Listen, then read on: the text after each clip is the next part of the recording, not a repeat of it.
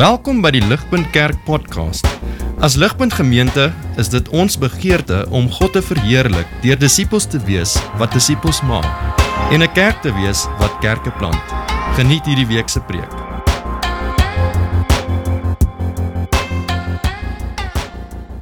So in 2020 en en ek dink dit is wat jy sou verwag het, maar Merriam-Webster se woord of the year in 2020 was pandemic. Soos in nie baie oorspronklik nie. Collins Dictionary se word of the year in 2020 was die woord lockdown. Ook soos in wat jy sou verwag het. Ehm um, ek is nie seker wat die woord van die jaar in die einde van 2021 gaan wees nie.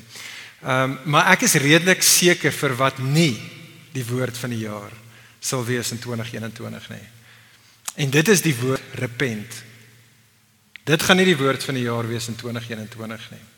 Vriende, die woord repentance of spesifiek soos hy in opdragvorm kom om te repent, Afrikaans om te bekeer, met ander woorde vir 'n persoon om vir 'n ander persoon of vir 'n groep te sê dat dat dat hulle lewens is nie aanneemlik vir God nie, dit is verkeerd en dat hulle dit nodig om hulle sonde en hulle verkeerdheid te te te erken en hulle dit nodig om dit te bely en hulle dit nodig om hulle lewens te wysig en dit hulle lewens anders te, te lewe. Vriende, dit is nie 'n woord wat ons baie in ons moderne wêreld hoor nie. Inderdaad, daar is min mense in die wêreld waarin ons vandag veral hier in die weste woon. Daar is min mense wat so gehaat word. Daar's regtig geen ironies genoeg groter sonde in die in die moderne westerse wêreld as om iemand te wees wat ander mense tot bekering roep nie. Veral as jy dit nog doen as 'n Christen. Persoon te wees word gesien in die wêreld waarin ons vandag woon is om self-righteous te wees. Jy's veroordelend of judgmental. Nou jy's liefdeloos en jy's besig met hate speech. Dit is wat ouens in in die wêreld natuurlik vir ons sal sê. En die gevolg daarvan is dat ons as Christene dan 'n mense word wat nie sal waag op die beste van tye om die wêreld daar buite ooit te roep tot bekering nie ons sal dit net nie doen nie Om eerlik te wees, ons doen dit nie eers met mekaar nie. Selfs vir die mense heel naaste aan ons. Selfs vir jou beste Christen pelle of die in jou in jou DNA groep of in jou kerk of partykeer selfs sê ek dit in huwelike. Selfs daar sal ons dit nie waag om vir mekaar te roep en te sê, hoorie, maar dit wat jy doen is nie reg nie. Dit wat jy doen het nodig om te verander. Jy het nodig om dit te erken teenoor God en teenoor ander. Jy het nodig om jou lewe te wysig. Ons waag nie om om dit in vandag se wêreld te doen nie. En vriende, dit is 'n massiewe massiewe probleem. Want bekering is fundamenteel tot Bybelse Christendom. Johannes die Doper, volgens Jesus, buiten vir homself was Johannes die Doper die godlieste ou volgens Jesus wat nog ooit gelewe het. Uh, die heel eerste woord wat uit Johannes die Doper se mond uitgekom het toe hy sy bediening begin het Matteus 3 vers 2 was die volgende. Johannes het het sy bediening bediening begin en gesê repent. Repent for the kingdom of of heaven is at hand. En inderdaad Jesus se heel eerste woorde toe hy sy bediening begin het vind ons in Markus 1 so Markus is die oudste evangelie eintlik die heel eerste spreekbeurt wat Markus vir Jesus gee Dis waar hy sê that the time has come, Markus 1 vers 15, the time has come, the kingdom of God is, is at hand. Repent and believe the good news. Handelinge 2 dag van Pinkster, soos wat die Gees uitgestort word. Daar waar die kerk begin, dit wat ons hiermee besig is 2000 jaar terug. Die heel eerste keer daar waar die kerk begin is, toe die apostels hulle heel eerste preek preek.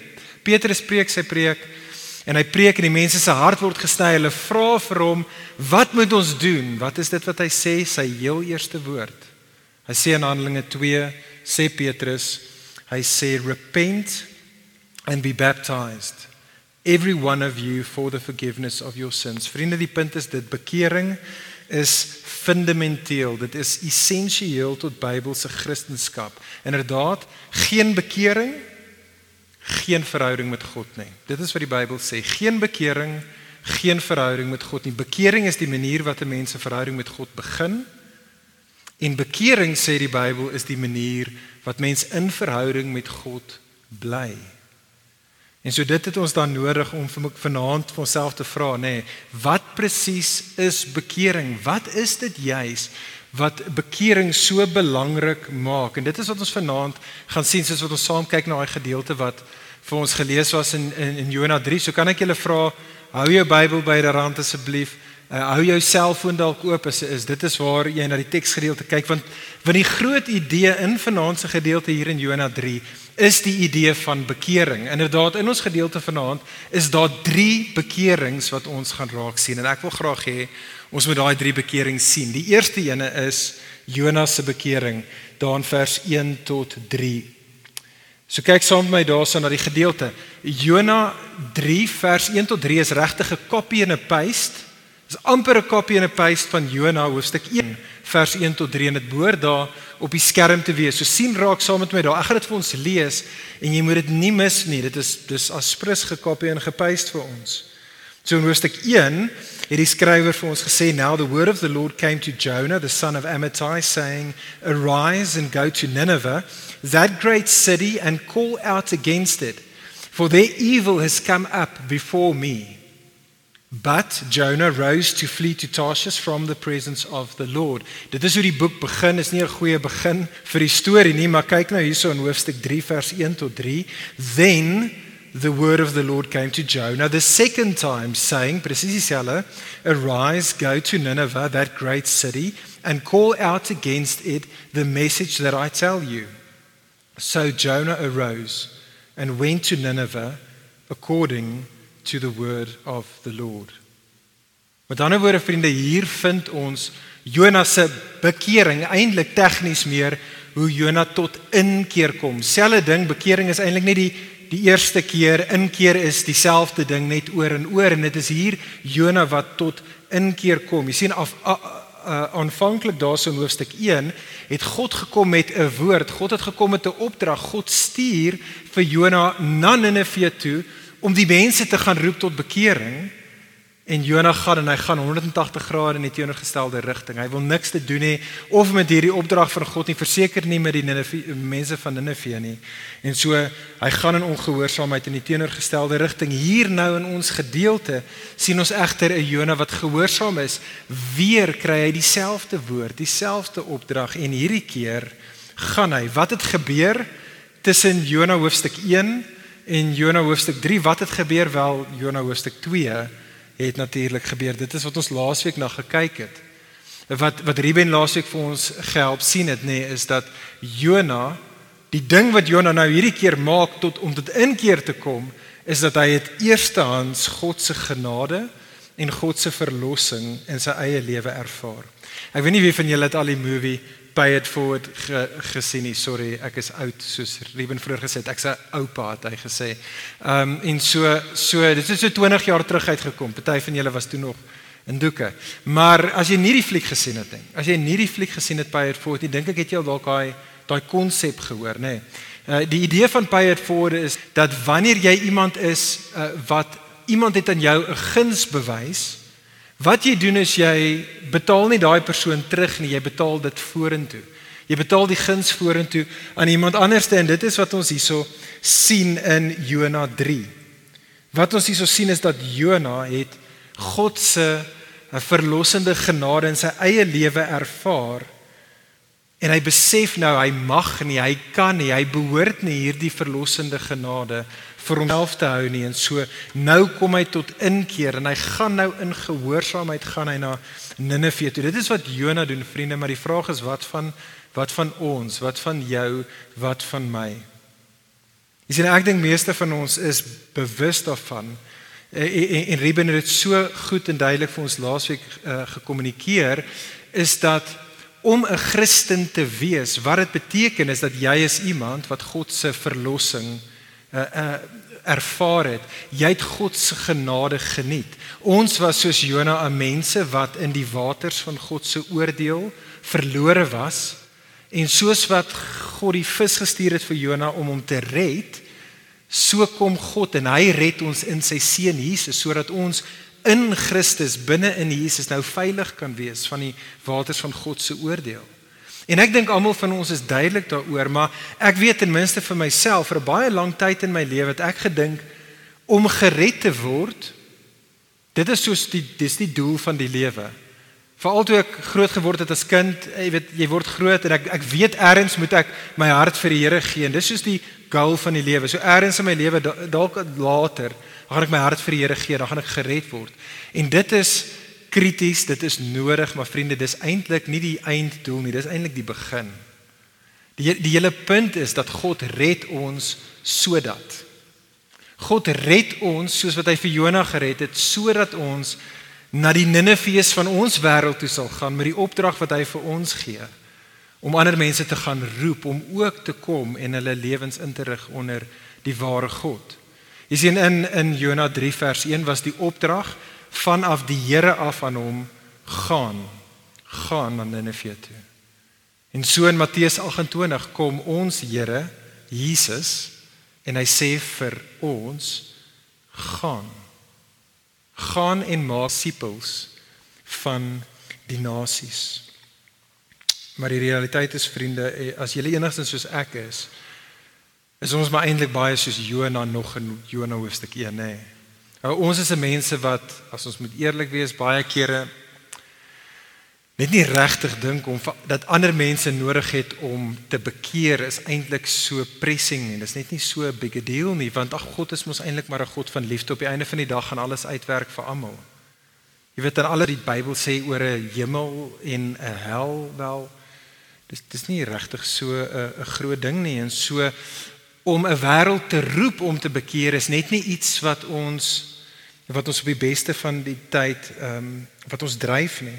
Of wat ons doen baie kere soos Jonas ons vrees.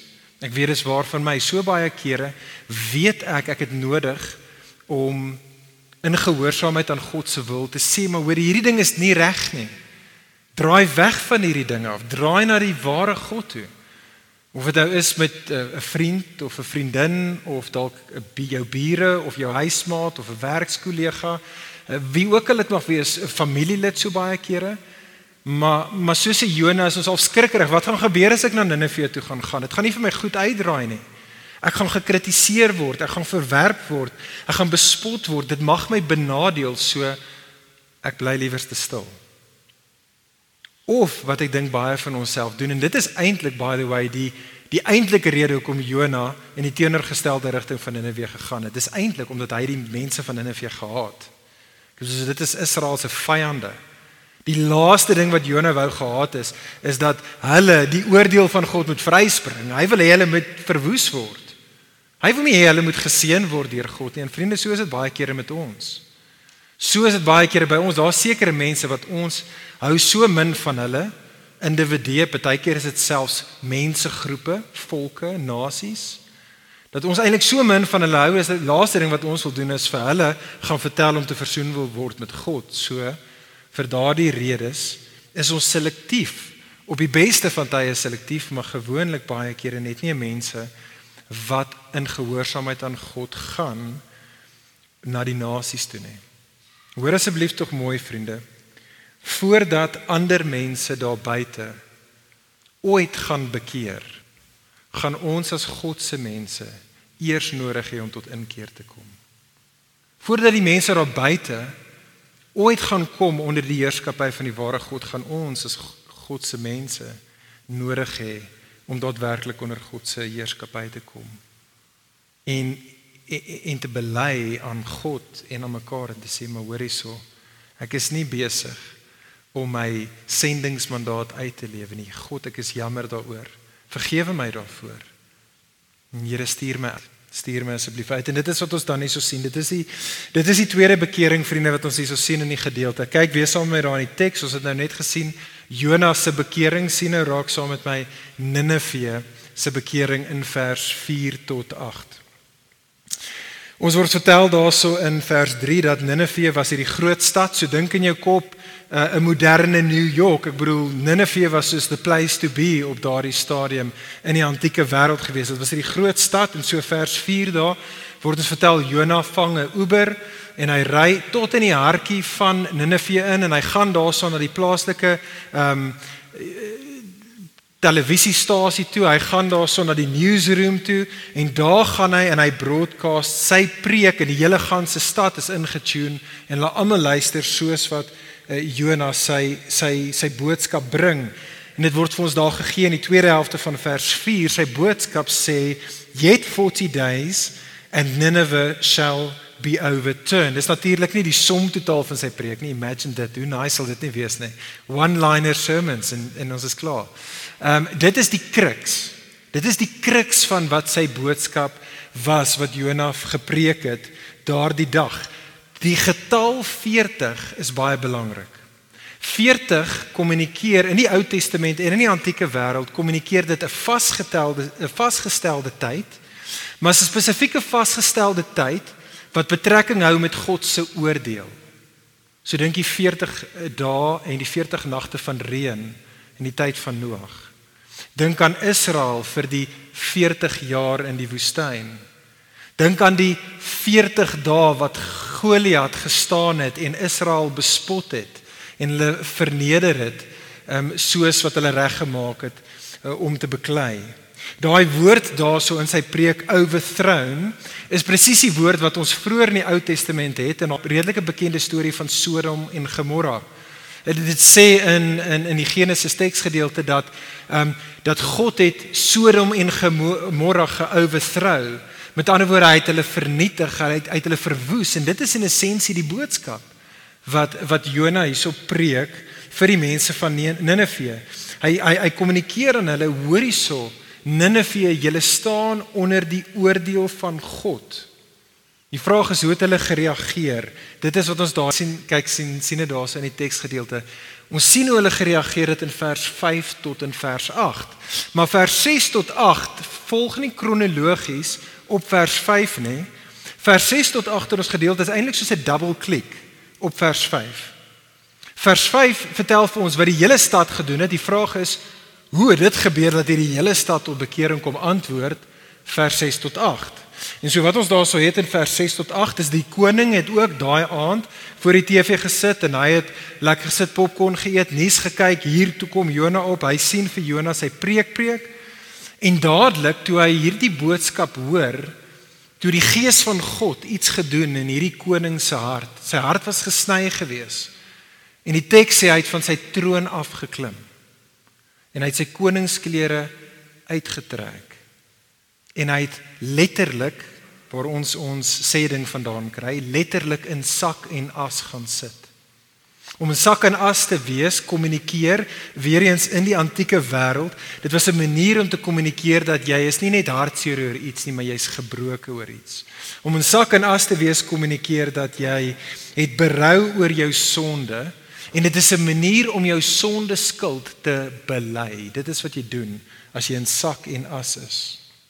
En dan vers 7 tot 8, baie soos wat president Ramaphosa sal doen, gaan die president toe, of oh, president, die koning van Ninive daarna en hy hy klim toe op die TV-kanaal. Hy gee presidential address en hy roep elke man, hy roep elke vrou, elke kind, elke slaaf, elke dier. Moenie my vra wat dit beteken nie, maar el, hy roep almal uh, om te bekeer, om berou te hê oor hulle sonde, om hulle skuld te bely en om sien daar moet dit nie mis nie daadwerklik hulle lewenswandels te heroriënteer. Kyk also in die laaste gedeelte van vers 8. Hierdie is wat die eh, die kruks was van die koning se boodskap. Hy het gesê, "Let everyone turn from his evil way and from the violence that is in his hands." So moet dit nie mis nie. Reg vriende, reg by die hart van hierdie bekering van Ninive is hierdie idee van om weg te draai, to turn. Om weg te draai van die kwaad, sê die koning, besef en erken die koning. Nou as jy die woord kwaad hoor, dink aan jou vertikale verhouding met die ware God. Dit is om van die kwaad af weg te draai, om van jou goddeloosheid en van jou ehm um, rebellering teenoor hom af weg te draai Maar nie net om weg te draai daarvan nie, om ook sê die teks daar om weg te draai van die onreg, die violence. Dink daar aan die horisontale manier wat ons baie kere nie gehoorsaam is nog steeds aan hierdie God nie, maar soos wat hulle soos wat hulle gaan en nie hulle naaste liefhet soos hulle self nie. Soos wat die Ninive mense van Ninive gaan en soos wat hulle op die mees gruwelooslikste maniere hulle vyande hanteer. Soos wat hulle gaan en die mense in hulle midde wat nie na hulle self kan omsien nie, afskeep en op mekaar trap om bo uit te kom. Die koning sê draai weg, draai weg van die sonde teenoor God, draai weg soos wat dit uitspeel op 'n horisontale vlak in julle verhoudings met mekaar. Vriende, dink saam met my aan. Ek weet nie of julle het julle daai movies gesien waar twee ouens wat nie vir mekaar hou nie, mekaar wil doodmaak en so hulle te deel. Dit soos 'n gunfight. Maar moenie dink uh moenie dink uh westerns waar die ouens net so staan en dan kyk hulle vir mekaar en hulle skiet nie, soos die old school Europese deals. Het jy al daai movies gesien? Die ouens twee staan rug teen rug teen mekaar. Dit is nie goed as jou rug teen mekaar is nie want dit beteken ons ek wil hê jy moet nie meer wees nie en die ander ene sê oor die dit gaan nie goed uitdraai vir jou nie en so hulle stap in teenoorgestelde rigtings van mekaar af om te kommunikeer luister jy ons is vyandig te mekaar en ons gaan mekaar nou uithaal. Ons wil mekaar uit die prentjie uit hê. En vriende dit is as dit ware wat ons hier in hierdie gedeelte sien. Die prentjie van Ninive is dat dit is hoe hulle verhouding met God is. Hulle is se mense wie se kwaad en hulle onreg hulle vyande van God maak. En hulle is in 'n deel teen God. En o vriend vriendin hoor asseblief tog mooi, dit kan nooit goed uitwerk nie. Maar toe hoor die mense van Ninive Jonas se waarskuwing om te bekeer, om om te draai. Om om te draai nie om te skiet nie, maar om hulle gewere neer te lê en om te val voor God en te sê o God, ons is jammer vir wat ons gedoen het. Wees ons asseblief tog genade. Moet nie vir ons gee wat ons voorgevra het nie. Moet ons nie gee wat ons verdien nie. En vriende, dit is presies wat mense van Ninive gedoen het. En die vraag is weer eens vir jou en vir my, wat van ons? Wat van jou en my soos wat ons vandag hier so sit? Jy sien in steede vriende van hierdie prentjie van God. 'n God wat in oordeel kom teen sonde en teen goddeloosheid. As ons ek ek dink ons moderne prentjie van God is baie keer 'n bietjie meer soos Vader Kersfees. Dis ons eintlik baie keer oor God dink. Ons dink al God is hierdie ehm um, baie distant 'n teen teen en make believe oompie ergens in die hemele wat in die besigheid is om vir ons geskenke te gee. So dis wat hy doen. Maar hy hy hy hy's nie eintlik betrokke nie. Hy sien nie regtig wat in hierdie wêreld aangaan en wat in ons lewens aangaan nie. En hy gee ook nie regtig om hoe ons teenoor hom is of teenoor ander mense is nie. Hy's maar net daar om vir ons geskenke te gee en ek dink dit is ons baie kere dink oor God. Maar vriende, soos wat ons reeds vanaand gesing het en gehoor het, is dit nie die God van die Bybel nie. Die God van die Bybel is 'n heilige God, sê die Bybel. Dis dis 'n God wat heilig beteken is dat hy's 'n God wat totaal anders is. Hy's God wat sonde haat. Hy's 'n God wat ongeregtigheid aanspreek, verkeerdhede aanspreek, want hy's ook nie net 'n heilige God nie, maar hy's 'n God van geregtigheid. Wat wat dit beteken om te sê God is 'n God van geregtigheid, is dat hy is die perfekte regter. Hy's 'n God wat nie net nie in die teenwoordigheid van sonde kan wees nie, maar hy moet. Hy kan nie anderste as om sonde te straf nie, as om verkeerdhede reg te stel nie. Dit wat krom is, regheid te buig nie. Dit is wat hy doen. En vriend, vriendin, as ek en jy vir 'n oomblik stop, is dit presies die tipe van God wat ons harte na toe smag, is dit nie? Ons soek so 'n God. Ons soek 'n God wat die Hitlers en die Mugabes van hierdie wêreld sal straf. Ons kort so God. Ons soek 'n God wat vroue slaaners en verkragters en kindermishandelaars hulle verdiende loon sal gee. Ons soek 'n God wat korrupsie en misdaad en rasisme eendag ten volle in die kiem sal smoor. Ons kort so God, dit is wat ons harte na toe smag, maar vriend vriendin, waar wil jy hê moet daai God die lyn trek? Waar wil jy hê moet so 'n perfekte heilige, perfekte God van geregtigheid, waar moet hy die lyn trek? Watter sondes dink jy moet hy oorsien? Watter watter sondaars moet hy oor die hoof sien? Kyk saam met my so na tekste in die Nuwe Testament uh, in Romeine 3. So dis tekste in die Nuwe Testament waar waar Paulus gaan en hy haal hier die Ou Testament aan om die punt te maak dat hoorie so die God van die Ou Testament is nie anderste as die God van die Nuwe Testament nie. En so in in Romeine 3 sien ons die volgende. Ons sien as dit nie op is dit op by julle ja, dit wys net nie nou agter nie. Paulus sê hy praat van ons, die mensdom in en van onsself. En Paulus sê no one is righteous not even one. Vers 12 all alle mense all have turned aside together they have become worthless. No one does good not even one. Vers 23 all have sinned and fall short of the glory of God. Vriende, dit is vir hierdie rede hoekom al tekste in die Nuwe Testament is. Dis die God van die Nuwe Testament, Hebreërs 12 vers 29 wat vir ons sê our God is a consuming fire. Dit dit is hoekom Jesus nie 'n Ou Testament profeet nie, nie een van die ander skrywers in die Nuwe Testament nie. Jesus is die persoon wat die meeste in ons Bybels is Jesus die persoon wat die meeste vir mense gewaarsku het oor die realiteit van hel. Dit is vir vir hierdie rede. En die vraag is dan Wat staan ek en jy te doen? Wat behoort ek en jy te doen? Vriende, die antwoord is ons het nodig om te bekeer. Ons wêreld het nodig om te bekeer. En hier in Jona 3 het ons die prentjie. Ek dink 'n baie behulpsame prentjie vir jou en vir my om om te verstaan wat beteken dit om te bekeer. En so kyk sommer daarso weer in vers 5. Bekering vriende begin om te glo. Om in die eerste plek God op sy woord te vat. Bekering begin om God te glo met betrekking tot wie hy sê hy is.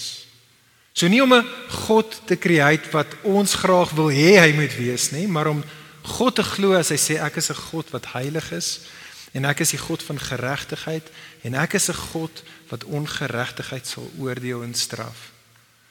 Maar om te bekeer dan verder is om ook te glo, nie net wie God is nie, maar wie ons is dat ons is inderdaad 'n mense wat in en van onsself kortskiet aan sy geregtigheid. Ons is 'n mense wat nie God met ons hele hart en ons hele verstand liefhet nie. Ons is nie 'n mense wat ons naaste liefhet soos onsself nie.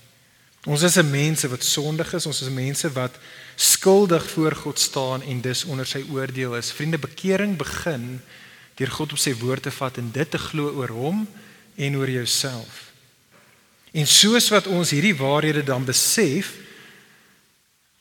is bekering ons wat dit dan bely, soos wat ons dit sien hier in vers 5 tot 8. 'n eh, Bekering is dink aan daai prentjie van die koring. Dit is soos wat ek en jy as dit ware van die troon van ons eie lewe afklim. Soos wat ons ons krone afval, ons koningsklere uittrek, waar ons aan God, onthou hierdie koning het homself verneder, hy het dit aan die wêreld om hom gekommunikeer waar ons beide aan God en aan ander kommunikeer en sê hoorie maar ek is nie die koning nie. Ek is nie die baas van die plaas nie. God U is die koning. En ek verneder myself, ek bring myself onder na U heerskappy in. Bekering is verder om dan in sak en as te te te te kom en en en en jou sonde te erken weer eens aan God en aan ander en en te sê ek is iemand wat kort skiet. Ek is iemand wat onder God se oordeel is en en ek het nodig dat God my gaan barmhartig wees. En so kom na God toe, ek pleit om vergifnis en ek vra God om my genadig te wees. Let wel in die gedeelte nog dink ek 'n belangrike gedeelte van wat bekering is. sien raak in die gedeelte dat bekering is nie net 'n ding wat in my kop gebeur nie. Nee, bekering is nie net 'n ding wat in my hart gebeur nie. Dit moet ten minste waarhede wees wat ek besef, dinge wat ek in my hart bely Maar in die gedeelte soos wat ons hierso sien wat die koning sê dit het te doen met om jou lewenswandel te heroriënteer. Dit is om iemand te wees wat daadwerklik in 'n rigting ingestap het. En op baie punte in jou lewe gekom het waar jy besef ek stap nie agter koning Jesus aan nie. Ek stap agter my eie koninkrykie aan. Maar bekering sê nie dit net nie. Bekering draai om en stap dan daadwerklik agter koning Jesus aan. Ek weet nie wat is dit vir jou nie. Ek weet nie wat is die paadjie waarop jy mag fees nie. Bekering beteken ek draai weg van self en ek draai na die ware God in Jesus en ek gaan nou agter die ware koning koning Jesus aanloop en en, en mens sien dit tasbaar. Jy sien dit in jou lewe. En dit is wat bekering is. Let wel laaste ding. Bekering is nie net eenmalig nie soos ons vroeër gesê het nie, maar bekering is die Christen lewe. So soos wat ons daagliks want want dit is wat met my gebeur. Elke liewe dag klim ek weer terug op die troon. Elke liewe dag wil ek weer die baas wees van my eie lewe. Wil ek myself liewer hê as God en my medemens. Bekering is om elke dag af te klim, elke liewe dag dit te bely, elke dag te kyk na die een vir en uit te roep vir genade. En dit bring ons dan by die derde bekering wat ons in die gedeelte sien. Ons het Jonas se bekering gesien. Ons het Ninive se bekering gesien. Derdens, vriende sien raak saam met my so in vers 9 en 10 God se bekering. God se bekering. Nou ek besef soos ek daai taal gebruik, gaan ons baie dalk so sê, o, oh, ek weet nie wie dit kan sê asof uh, God bekeer nie, maar dit is wat ons hier nie net sien nie, maar wat vir ons gesê word. Jy sien die taal daarso, kyk in vers 9, is dat hierdie koning juis die mense roep tot bekering in hoop. Hy hy sê kom ons verneder onsself, kom ons bely ons sonde, kom ons erken dit, kom ons pleit om vergifnis, want vers 9, who knows, who knows God may turn and relent and turn from his fierce anger so that we may not perish. Daai woordjie daar in vers in vers 8, die woordjie in vers 8 wat gepraat het van Ninive Ninive wat geturn het, is presies dieselfde woordjie wat die koning hierso sê hy hoop God sal doen in vers 9 dat God net soos hulle geturn het, dat God ook sal turn. Die woordjie daar in vers 9, die woord relent eh, klink baie soos repent En en daar's 'n rede vir dit in party vertalings sê dit letterlik repent en in baie ander plekke in die Ou Testament word hierdie woordjie vertaal as repent. Dit is dit is dieselfde woord. Jy sien die woordjie hier kommunikeer bloot of nou waar is van ons of van God dit kommunikeer letterlik om van besluit te verander op so 'n manier dat jou optrede dan gevolglik verander. En dit is presies wat die klimaks van ons gedeelte is. Die laaste versie. Kyk saam met my laaste vers. Die klimaks van ons gedeelte vers 10 When God saw what they did, how they turned from the evil way, God relented of the disaster that he said he would do to them and he did not do it to them. So so dink saam met my weer terug aan daai prentjie van die deel en waar ons as die mensdom in Ninive vir vir vir vir God uitgedaag het. Hy gesê hoor die God ons soek jou nie in ons lewens nie. Ons wil jou dood hê en so hulle vir God as dit ware uitgedaag vir die deel en Ninive het gestap in hierdie rigting uh reg in vyandskap en rebellering teen die ware God en en so God stap in die teenoorgestelde rigting en Jonah het gekom en hy het vir hulle uitgeroep. Hy het hulle uit langs hulle gestaan soos hulle in hierdie deel stap en hy het hy het uitgeroep en hulle gesê moenie moenie dit doen nie. As julle vir God in 'n showdown gaan hê gaan dit sleg uitdraai vir julle. Repent draai om. Kom draai na hom toe. Gooi jou gewere neer. Pleit vir vergifnis. En soos hulle dit gedoen het het God nie omgedraai en gesê ha nou jy nie 'n geweer nie. Bang Nee, dis nie wat God gedoen het nie. God het nie gesê wel sorry want soos nou het ek ek ek vergewe jou nie. Dit is onaanvaarbaar wat jy gedoen het. Nee, wat doen God? God doen dit wat die Vader gedoen het met die verlore seun. Hy sê kom hier so. Kom hier so, ek vergewe julle. Dit dit dit ek, ek, ek sit dit agter julle. Ek gaan nie in oordeel kom na julle toe nie. Dit is wat God hierso doen. My vriende, hoor asseblief tog vanaand die goeie nuus.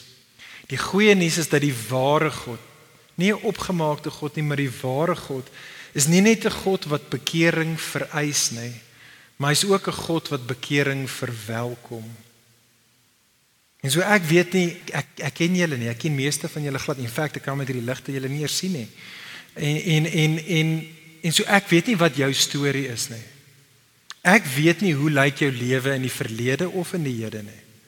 Ek weet nie wat is die dinge wat jy in die verlede aangevang het wat jou nagmerries gee, wat by jou spook, daar waar jy op jou eie in 'n kamer lê, jy kan dalk baie vol breware wees vir jou pelle, maar daar waar jou eie is krap dit aan jou, dit spook aan jou.